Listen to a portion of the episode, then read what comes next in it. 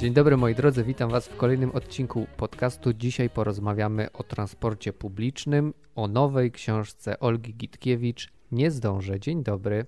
Dzień dobry. Wiesz, że ja też jechałem tą linią do Sanoka, w której trzeba się przesiąść, mhm. żeby dojechać, bo nie wiem, czy wiecie, nie wiem, czy zdążyliście przeczytać książkę. Jest taka linia autobusowa, prywatna, która dojeżdża ona jedzie do Sanoka i do Krosna, tak? Tak, roz, przez jakiś czas w jedną stronę, a później kurs się rozwidla. Tak, i trzeba się tak. przesiąść. Mhm. Czyli optymalizacja kosztów. Mniejszy autobus dowozi do tego punktu zbiórki, tak zwanego przesiadki i później jeden większy autobus odjeżdża tam w kierunku bardziej obleganym, drugi mniejszy autobus w kierunku mniej obleganym, ale ja ostatnio jechałam z Gorlic do Warszawy busem i zdarzyło mi się to samo nawet nie pamiętam w którym miejscu na trasie, ale inny przewoźnik, inna trasa i też w pewnym momencie trzeba było się przesiąść.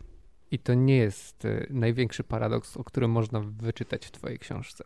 Nie, chociaż na początku byłam tym zdziwiona, a teraz już myślę sobie, no tak, musi się to wszystko kalkulować i opłacać, bo to są prywatni przewoźnicy.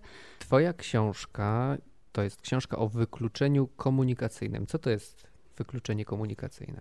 Dla mnie to jest taki pień w ogóle wielu innych wykluczeń społecznych.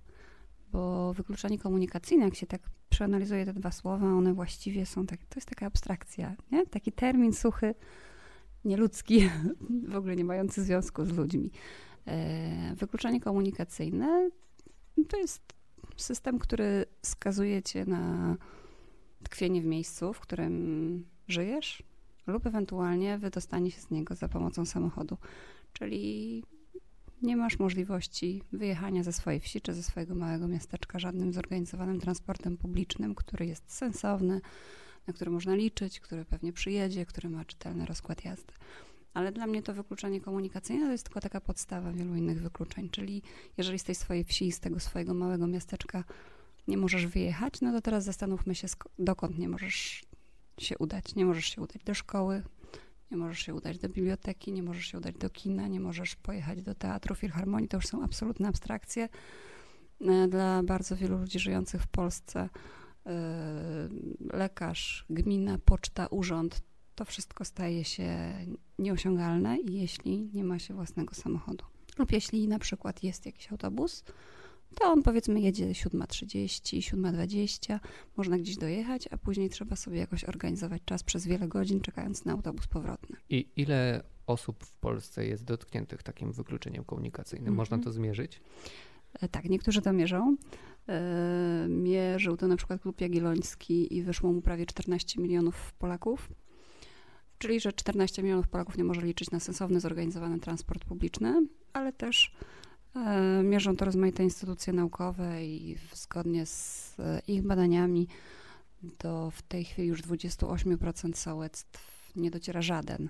Żaden. Nie sensowny, nie niepunktualny, nie e, stary i rozklekotany, tylko żaden transport publiczny. W pierwszej chwili, kiedy pomyślałem o tym, o, o Twoim temacie, to pomyślałem sobie, że jednak chyba niewielka część Polski jest dotknięta e, wykluczeniem komunikacyjnym, ale potem zacząłem sobie przypominać, że ja pochodzę z niedużego miasta, teraz Jastrzębie Zdrój ma 89 mhm. tysięcy mm. mieszkańców. Przypomniało mi się, że przecież to jest największe miasto, do którego nie dochodzi nie kolej. kolej. Mhm. Mamy problem z dojazdem do Katowic, czyli największego mhm. ośrodka mhm. w tym regionie i tam też ten dojazd obsługuje prywatna firma, która kosi mm, konkurencję, która tylko się po pojawia. Przypomniała mi się moja babcia, która mieszka w województwie lubelskim, niedaleko Zamościa, która nie ma jak dojechać, to znaczy ma jak dojechać, ale ten dojazd jest mało sensowny do mhm. Zamościa czy do Lublina. I często dzwoni do mnie, Rafał, sprawdź, sprawdź mi w internecie, o której pociąg do mnie dojeżdża, bo te rozkłady się tak zmieniają mhm, szybko. Tak że ja nie wiem, czy ten, który wisi, to jest aktualny. Zresztą odczytanie takiego rozkładu też bywa wyzwaniem, bo polskie rozkłady jazdy z niewiadomych przyczyn mają takie legendy, które mogą przyprawić o ból głowy. I inne legendy, takie opisy rozkładów jazdy pociągów są tego dobrym przykładem.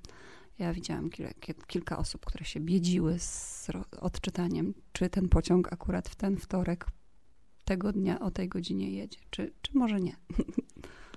Tak, ty w ogóle piszesz o tym e, Tak. w książce i mm, jeden z twoich bohaterów tłumaczy, jak czytać e, rozkład. Tam chyba chodziło o autobus. Mhm. Ale to jest zmora wszystkich środków transportu w Polsce. A propos tego internetu, to na przykład rozkłady jazdy przewoźników autobusowych w internecie są bardzo często nieaktualne. Oni tam sobie dwa lata temu zawiesili na stronie i zmienili ten rozkład już cztery razy, ale no, no radź sobie. Chciałem zapytać, czy w pisaniu książki o transporcie najtrudniejsze właśnie było przemieszczanie się? Myślę, że było dosyć trudne, ale nie nazwałabym tego jakimś, jakąś niezwykle trudną eskapadą, w ogóle nie do przejścia czymś, bo tak naprawdę bardzo trudne było dla mnie zrozumienie, jak to działa albo jak to nie działa, o wiele częściej. E, To znaczy wszystkie te systemy, czy one są ze sobą powiązane, czy zupełnie nie są powiązane. Podział spółek kolejowych, która za co odpowiada, a która za co nie odpowiada i dlaczego nie. Rozmawiałam z rozmaitymi pracownikami kolei i niektórzy z nich do dzisiaj sami nie, nie są w stanie rozróżnić. Pamiętają spółki, które były na przykład 10 lat temu, już nie istnieją, ale z uporem maniakami podkreślali, że ja muszę napisać PKP Nieruchomości, nie ma już takiej spółki.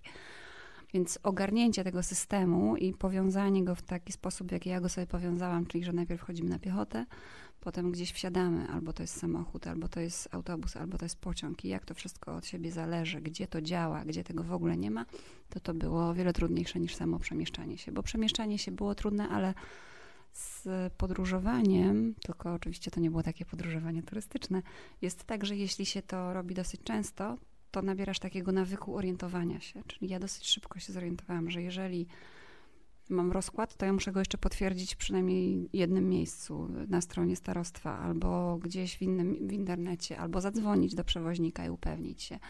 Szybko się zorientowałam co do rejestracji miejsc, y, rezerwacji miejsc y, w autobusach. Y, I to jest takie nawykowe. W pewnym momencie człowiek już wie, jak się zachować. Tak samo jak moi bohaterowie, którzy jeżdżą bardzo dużo pociągiem, opowiadali mi, że oni wiedzą, o której dokładnie wyjść do, z domu, żeby na tym dworcu nie, nie wystawać, tylko żeby być dwie minuty przed pociągiem. Wiedzą, przy którym filarze stanąć, żeby otworzyły się drzwi w przedziale, który najczęściej, najchętniej zajmują. Twoja książka ma takie, dla mnie przynajmniej, dwa aspekty. To znaczy, jest po pierwsze opowieścią o tym, że myślenie w tym duchu kapitalistycznym, ono nie zawsze się sprawdza, a w przypadku transportu publicznego w ogóle się nie sprawdza. Mhm. A drugi aspekt to jest taki aspekt, aspekt godnościowy, bo ja nigdy nie myślałem o transporcie mm, jako o czymś, co daje lub zabiera godność ludziom. E, Więc najpierw zapytam Cię o ten pierwszy aspekt. Mhm. Dlaczego to jest tak, że nie wiem, no na przykład kiedy prowadzi się piekarnię, to rynek jest w stanie wyregulować ten rynek piekarni, a jeżeli chodzi o transport, to ten transport, mimo że wielu z nas wierzy, że on jest regulowany, że może być wyregulowany przez rynek, on się przez rynek nie reguluje tak, jakbyśmy chcieli, to znaczy, że jest słaby, jest słabej jakości, co oznacza na przykład to, że e, mimo, że do pewnych miejscowości dociera transport prywatny, on jeździ sobie jak chce, albo rozkład jest nieaktualny, albo po prostu kierowcy są niemili, a autobusy są e, przepełnione i brudne. Jak to się dzieje, że rynek tego nie reguluje? Znaczy ja w ogóle tak umiarkowanie mam zaufanie do rynku i do jego regulacji. Jestem sceptyczna w ogóle, nawet z tymi piekarniami, ale transport to jest zupełnie inny rodzaj mm, usług, powiedziałabym, jeżeli traktujemy je jako usługę. Dla mnie transport jest usługą dla ludności, to znaczy jest też czymś, co nam się należy jako obywatelom i ja z rozmysłem będę tego słowa należy używać. Tak jak oczekujemy, że będziemy mieć e, służbę zdrowia, tak samo jak państwo em, reguluje takie, no nie wiem, dentysta, można iść do dentysty, tak? Za to, że wypuszcza się książki w bibliotece, też nie płacimy. A natomiast transport w Polsce jest taką dziwną hybrydą. To znaczy, teoretycznie, e, na przykład kolej to są spółki Skarbu Państwa albo spółki marszałkowskie, a o transport autobusowy czyli ten, y, na który właściwie skazane są osoby żyjące na terenach wiejskich, o ten transport nikt nie zadbał w odpowiednim momencie w Polsce, o jakieś sensowne regulacje. To znaczy wprowadzano jakoś ustawy, ale te ustawy są na tyle nieczytelne, że same samorządy, które powinny za ten transport odpowiadać, mają kłopot ze zrozumieniem ich, ze zrozumieniem ich sensowności. A ponieważ przez tyle lat nikt o transporcie nie mówił w taki sposób, że to jest coś, co powinno być, że to jest coś, z czego ludzie powinni móc korzystać, niezależnie od tego, ilu ich będzie i niezależnie od tego, czy do autobusów wsią, wsiądzie 5 osób, czy 25, to i te samorządy trochę zaczęły myśleć, że ten transport jest dla nikogo. Bo teraz mam wrażenie, że transport sprowadzamy albo do tych kolei takich aglomeracyjnych, czyli trzeba dojechać do pracy z mniejszych ośrodków do dużych, albo pociągiem jedziemy gdzieś turystycznie nad morze i w ogóle są wakacyjne zniżki i tak dalej. Albo, i tutaj już y, ta rejonizacja się pojawia, że w niektórych rejonach transport jest tylko dla osób starszych, niepełnosprawnych lub dla dzieci, co jest moim zdaniem zasadniczym błędem, bo tak długo chyba to sobie powtarzaliśmy, że zaczęliśmy w to wierzyć. A takim autobusem mógłby pojechać ktoś również do pracy, mógłby pojechać ktoś w garniturze. To nie musi być naprawdę tylko starsza osoba, która raz na jakiś czas wybiera się do lekarza. Mm, jeżeli zaczniemy w ten sposób myśleć o transporcie, ja tak uważam, po tych dwóch latach e, zbierania materiałów do książki, to dopiero wtedy mamy szansę trochę przełamać to myślenie. No bo dlaczego rynek tego transportu nie wyregulował. On go wyregulował właśnie w taki wynaturzony sposób, że są prywatni przewoźnicy, dla których liczy się tylko zysk, y, którzy przyjeżdżają o takich godzinach, o jakich im się opłaca i w związku z tym ludzie dostosowują do rozkładu jazdy swój, swój dzień cały, tak? czy cały tydzień, czy miesiąc. Mm, wydaje mi się, że to powinno być zdecydowanie odwrotnie. To znaczy, taki przewoźnik powinien badać potrzeby, dostosowywać, do, dostosowywać rozkład jazdy do potrzeb ludzi. Oczywiście faktem jest, że ponieważ przez ostatnie 30 lat transport raczej likwidowaliśmy niż w niego inwestowaliśmy, ludzie musieli sobie jakoś poradzić. E, I takim sposobem poradzenia sobie było kupowanie samochodów. I dlatego teraz mamy 22 miliony samochodów osobowych w Polsce, pewnie już więcej, wydaje mi się. I to jest y, takie, tak kręcimy się w tym kołowrotku jak chomiki. Kupujemy coraz więcej samochodów, bo nie mamy sprawnego transportu publicznego, albo może w miastach nie mamy do niego zaufania. Kojarzy nam się z czymś złym, bo to też jest na poziomie mentalnym mm, tak, kłopot. My, chyba po upadku komunizmu mhm. uwierzyliśmy w ogóle, to znaczy ten kapitalizm był takim naszym wielkim snem. Mhm i jak go w końcu mieliśmy, to uznaliśmy, że będzie, że jeżeli się go czepimy, to już będzie wszystko super.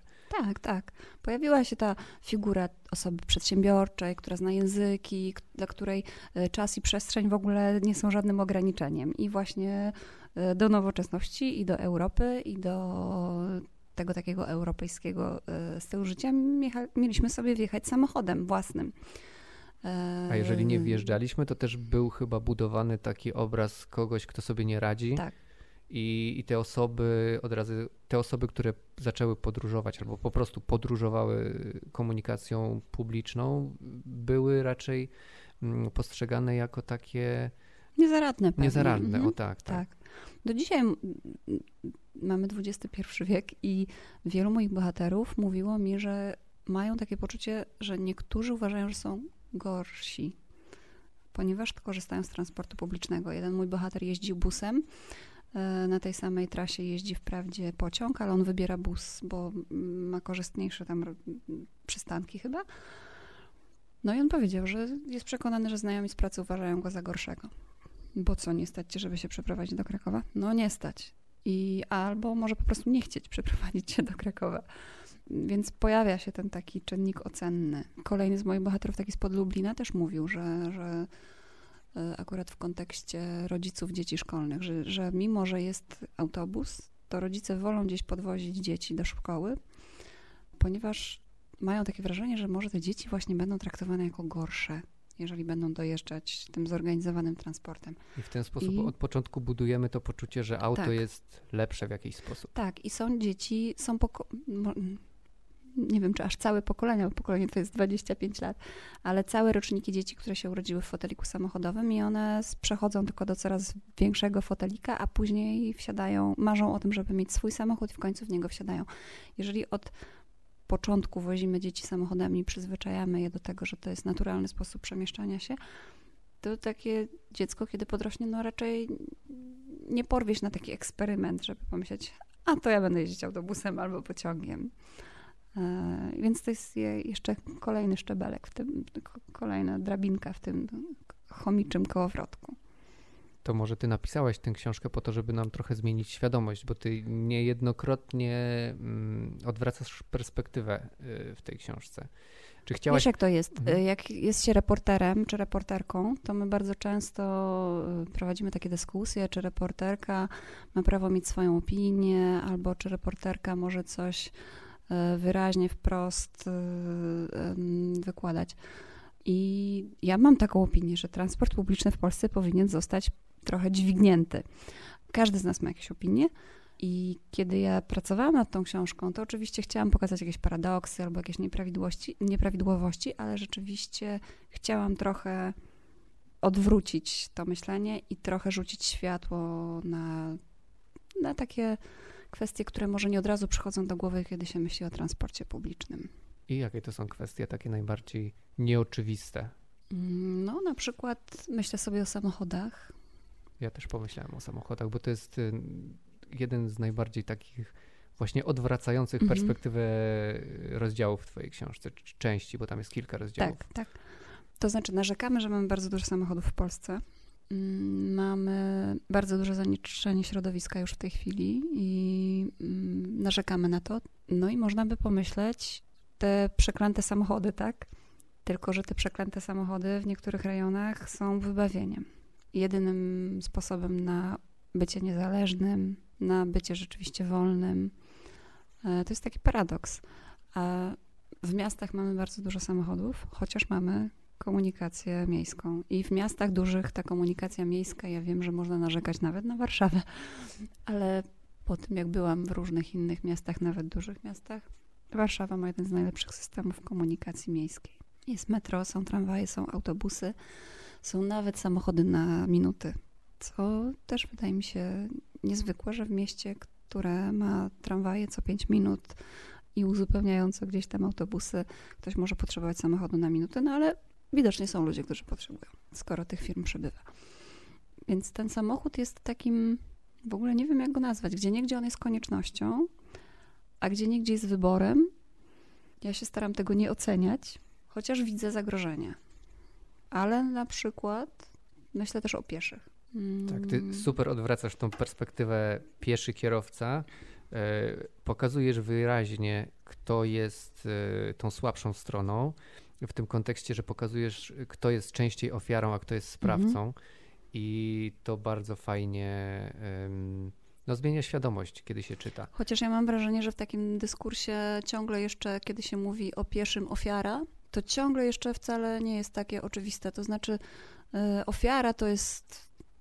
O wiele częściej myślimy ofiara, y, w, kiedy myślimy o jakimś tragicznym wypadku z udziałem kilku pojazdów.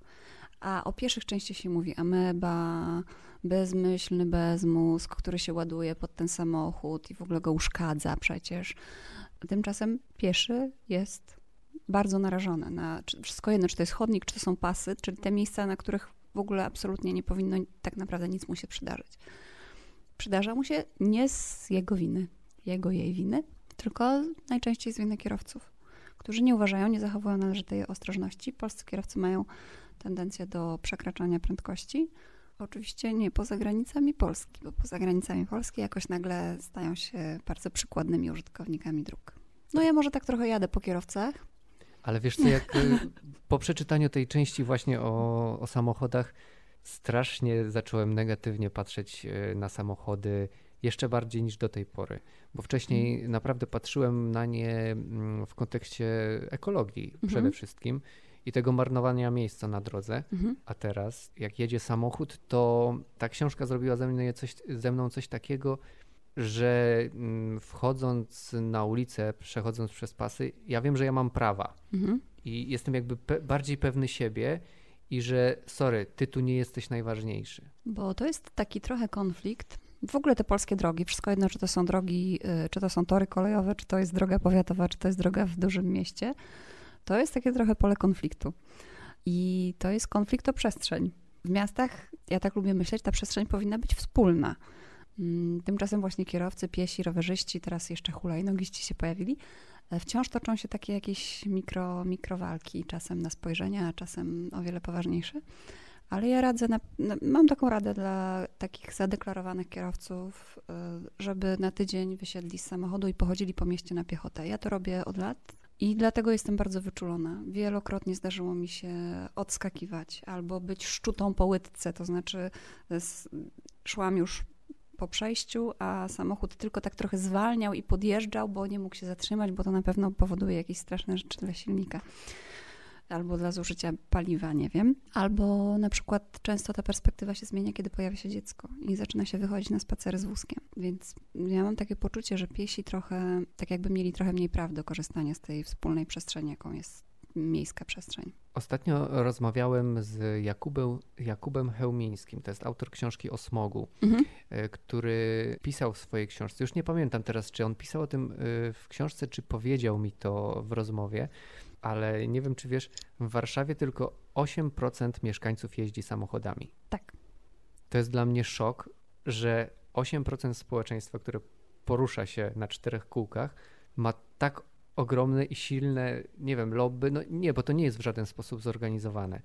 A władze cały czas. A czy to nie chodzi o to, że porusza się codziennie? Tak, codziennie. Tak. Mhm, a, mhm. a, władze cały czas yy, tak zarządzają miastem, tak je projektują, mhm. żeby to było miasto dla samochodów, a nie dla y, osób, które albo chodzą, albo jeżdżą na rowerach, albo przemieszczają się za pomocą mm, komunikacji miejskiej. I to znowu jest chyba problem jakiś taki mentalnościowy, no bo nawet liczby nie prze, przemawiają za tym, żeby faworyzować samochody. No w dużych miastach to się powoli zmienia. To znaczy zaczyna się rzeczywiście mówić i nie wiem, są ruchy miejskie i miejsce aktywiści, którzy zaczynają wymagać od y, samorządu y, jakichś konkretnych działań. Ale oczywiście pieniądze, które się inwestuje w infrastrukturę dla pieszych i dla rowerzystów są nieporównywalne z infrastrukturą taką mm, przeznaczoną na przykład na drogi y, i miejsca parkingowe chociażby. Bo parkingów też domagamy się, ale to jest akurat ta taka zasada Louisa Mogridge'a, tak, że poszerzenie dróg tylko na chwilę wpływa na poprawę ich przepustowości, a po chwili pojawia się coraz więcej samochodów i coraz znowu brakuje nam dróg, więc domagamy się kolejnych dróg i, e, i to jest kolejne błędne koło związane z transportem. W ogóle to jest ciekawe, teraz tak sobie pomyślałam, że ten transport w ogóle jest związany z kołem i tak mamy pełno takich błędnych kół. więc, więc tak, ale ja ciągle mam, mam w pamięci mniejsze miasta, w który, do których jeszcze te takie wymysły, tak to nazwijmy i weźmy to w cudzysłów, e, miejskich aktywistów ruchów miejskich w ogóle jeszcze nie docierają, albo są traktowane właśnie jako absolutna e, fantastyka, tak, albo, albo fanaberia, albo fantastyka. Więc są takie miasta, przychodzą mi do głowy teraz Skierniewice, to jest moje jakoś tam rodzinne miasto. Tam się wycina drzewa, dlatego że na tych drzewach siedzą ptaki, które zanieczyszczają samochody stojące pod tymi drzewami. Był taki głośny protest mieszkańców. Część domagała się wycięcia drzew i powiększania parkingu, a część starała się te drzewa ocalić. Piszesz o wykluczeniu komunikacyjnym, e, ale może nie wszyscy zdają sobie sprawę, że problem wykluczenia komunikacyjnego wpływa na nasze życie nie to komunikacyjne, mhm. ale też takie po prostu życie. No on wpływa na nas znacząco i to właściwie od, y, na nas. Ja będę teraz uogólniać. Wiem, że my akurat rozmawiamy w Warszawie. Ja mieszkam w Żerardowie, w którym w sumie żyje się dosyć nieźle, bo mamy pociągi co naście minut w kierunku na przykład Warszawy. To promieniowanie komu wykluczenia komunikacyjnego zaczyna się bardzo często już w dzieciństwie w wielu rejonach, bo na przykład spotkałam koło Wlenia kobietę, która miała troje dzieci i nie miała w swojej wiosce przedszkola. Przedszkole było w, we wsi obok i w tym w Leniu właśnie, czyli o ile kojarzę 4 lub 5 kilometrów e, od jej miejscowości. Ona nie miała prawa jazdy i w dodatku jest teraz samotną matką, e, więc nie pracowała, ponieważ miała dzieci, nie miała jak dojechać do pracy i też tych dzieci nie miała jak do przedszkola dowieść. A z drugiej strony jej dzieci nie dostawały się do przedszkola, ponieważ to nie była jej miejscowość. I to seria takich mm, takich przeciwności, przez które ona po prostu pozostawała z tymi dziećmi mm, w domu, zajmując się nimi. Potem jest wiek szkolny, czyli dzieci w bardzo wielu rejonach Polski y, są dowożone zorganizowanym takim przez gminę transportem mm, szkolnym, ale te dzieci muszą wstawać o wiele częściej niż na przykład ich rówieśnicy z dużych miast. Wcześniej. O wiele wcześniej. Pakują się do takiego autobusu o siódmej, on później zajeżdża do iluś po drodze wiosek i później przywozi te dzieci do szkoły.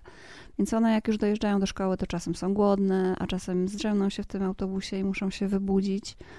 Mm, później może trudniej im się skupić na lekcjach. E, potem wybieramy szkołę średnią, czyli to są pewnie miliony dzieci w Polsce, które co roku wybierają szkołę średnią, do której mogą dojechać, a nie do której chciałyby pójść. Bo może ktoś ma zamiłowanie artystyczne i chciałby pójść do szkoły artystycznej i nie dojedzie do niej. Albo w ogóle chciałby po prostu iść do bardzo dobrego liceum, do którego nie może się dostać. Idzie do liceum w swojej gminie, bo tam jeździ autobus lub gdzieś tam jeździ pociąg. E, więc to już jest znowu przekreślanie pewnych szans. Mm, właściwie podcinanie skrzydeł to jest dla mnie młodym ludziom wielu. To jest ta ścieżka edukacyjna, ale dochodzą na przykład zajęcia dodatkowe, na które wiele dzieci nie może się zapisać, bo mają autobus. Ja sama y, czasem prowadzę warsztaty dziennikarskie, piszę o tym też w książce, to jest wzmianka tylko, ale wielokrotnie zdarzyło mi się, że dzieci wychodziły z moich zajęć i ja na początku Byłam trochę głupia, myślałam, że takie nudne rzeczy i mówię i wychodzą, ale okazało się, że one idą na autobus, bo nie mogłyby zostać dłużej. E, są ludzie, którzy nie mogą dojechać do najbliższej placówki opieki medycznej.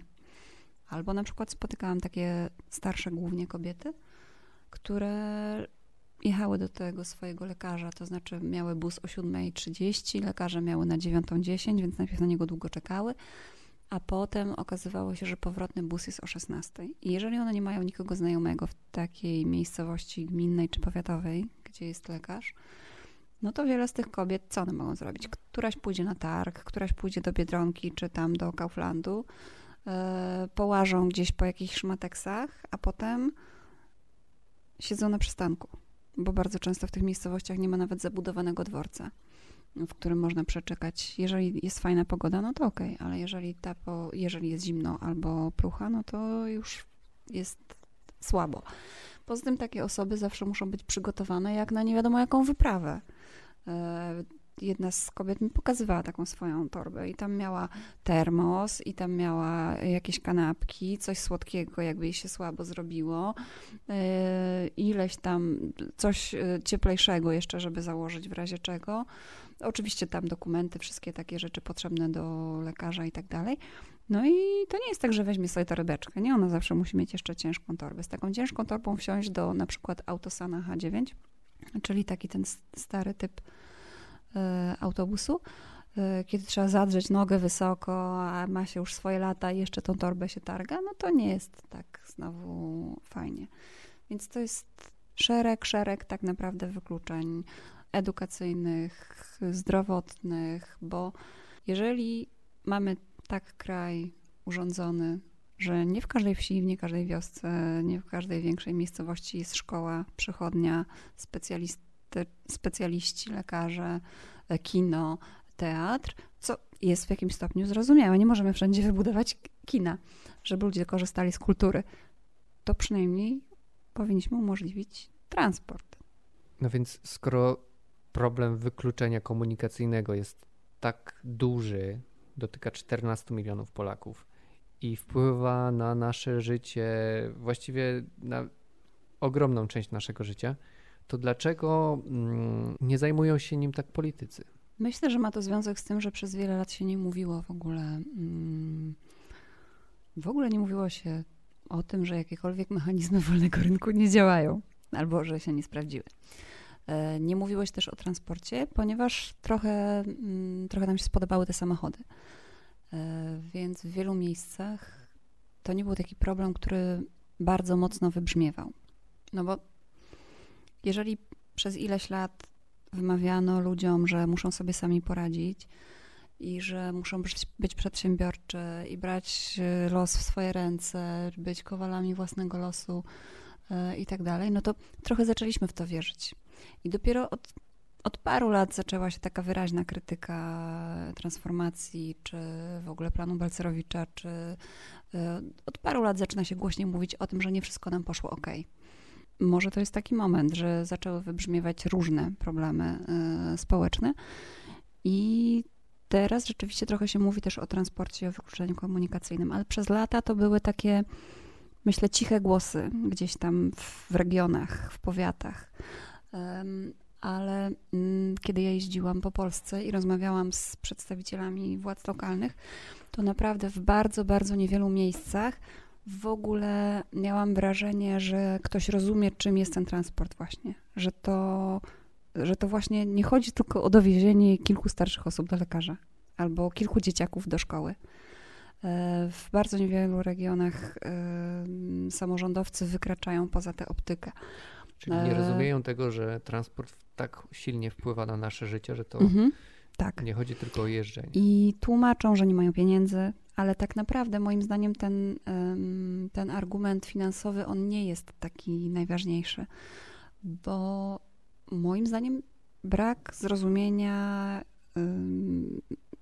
całego tego systemu. To znaczy, jeżeli na przykład ktoś, y, no to też znowu chodzi o mental, jeżeli ktoś jest samorządowcem i jeździ samochodem, to on nie wie, jakie są problemy ludzi, którzy tym samochodem nie jeżdżą. Bo on wsiada sobie pod domem w samochód, a potem wysiada sobie pod swoim urzędem, miejscem pracy z tego samochodu.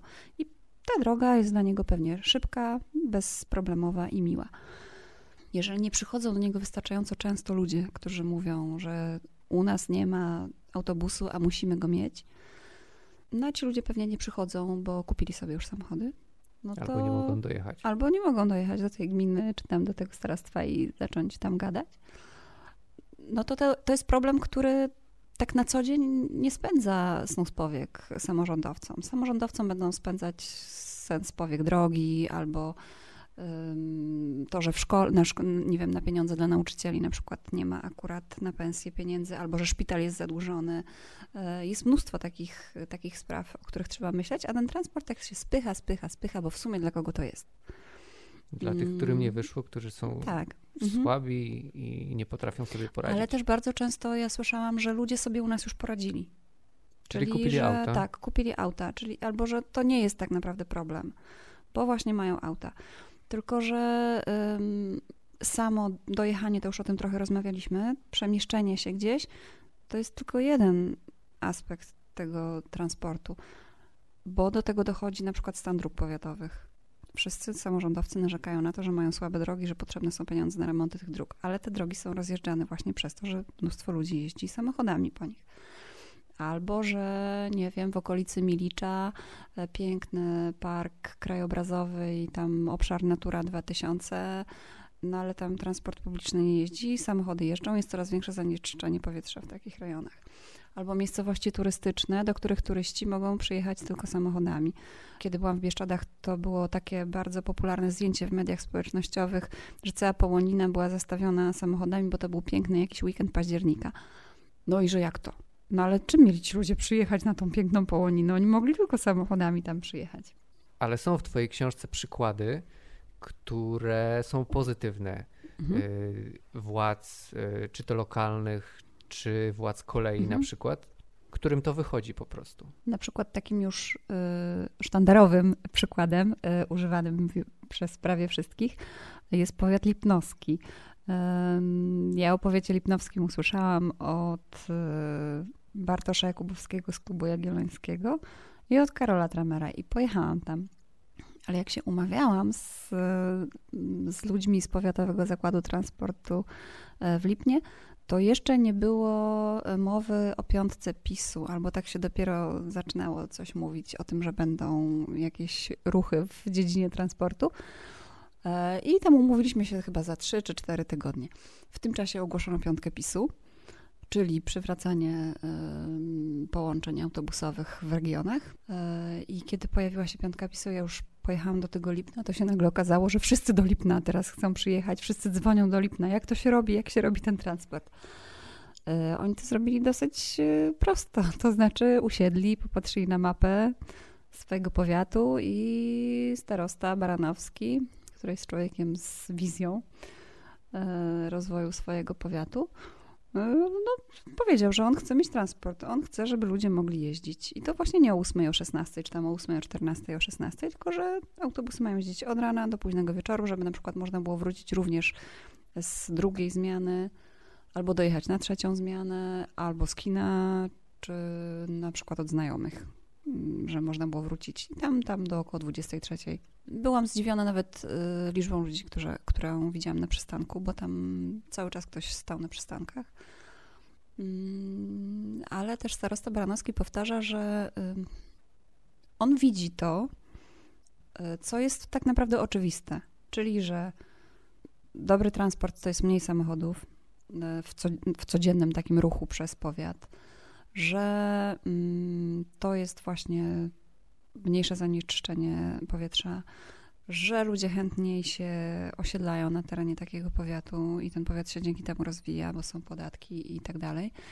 Ale to jest znowu kwestia ta, że jest człowiek, który rozumie, czym jest transport publiczny i jest gotowy wyłożyć na niego pieniądze ma też ludzi, którzy na bieżąco analizują te potrzeby, bo y, oni tam ciągle dociągają jakieś nitki gdzieś, albo na przykład spotykają się z dyrektorami szkół, żeby ustalić, jak, y, jak do szkół y, dostosować godzinowo rozkłady jazdy. Więc rzeczywiście są, są dobre przykłady. O ile w Niehańbi unikałam dobrych przykładów, to tutaj starałam się pokazać albo na przykład jakiś przykład zagranicy, albo E, albo że w Polsce jednak też się dzieją fajne rzeczy i że można, e, i że można takie rozwiązania wdrażać też w innych rejonach. Dobrze, to ja Ci bardzo dziękuję za rozmowę. E, Dzięki. Polecam Wam naprawdę przeczytać książkę Olgi Gitkiewicz Nie zdążę, a jeżeli nie czytaliście Nie hańbi, to też sobie przeczytajcie Nie hańbi. Będziecie mieć dwie książki z nie w tytule mm, na półce. Książka miała premierę 25, tak? Tak więc jest już w księgarniach. Jeszcze raz bardzo Ci dziękuję za rozmowę i do usłyszenia w następnym odcinku.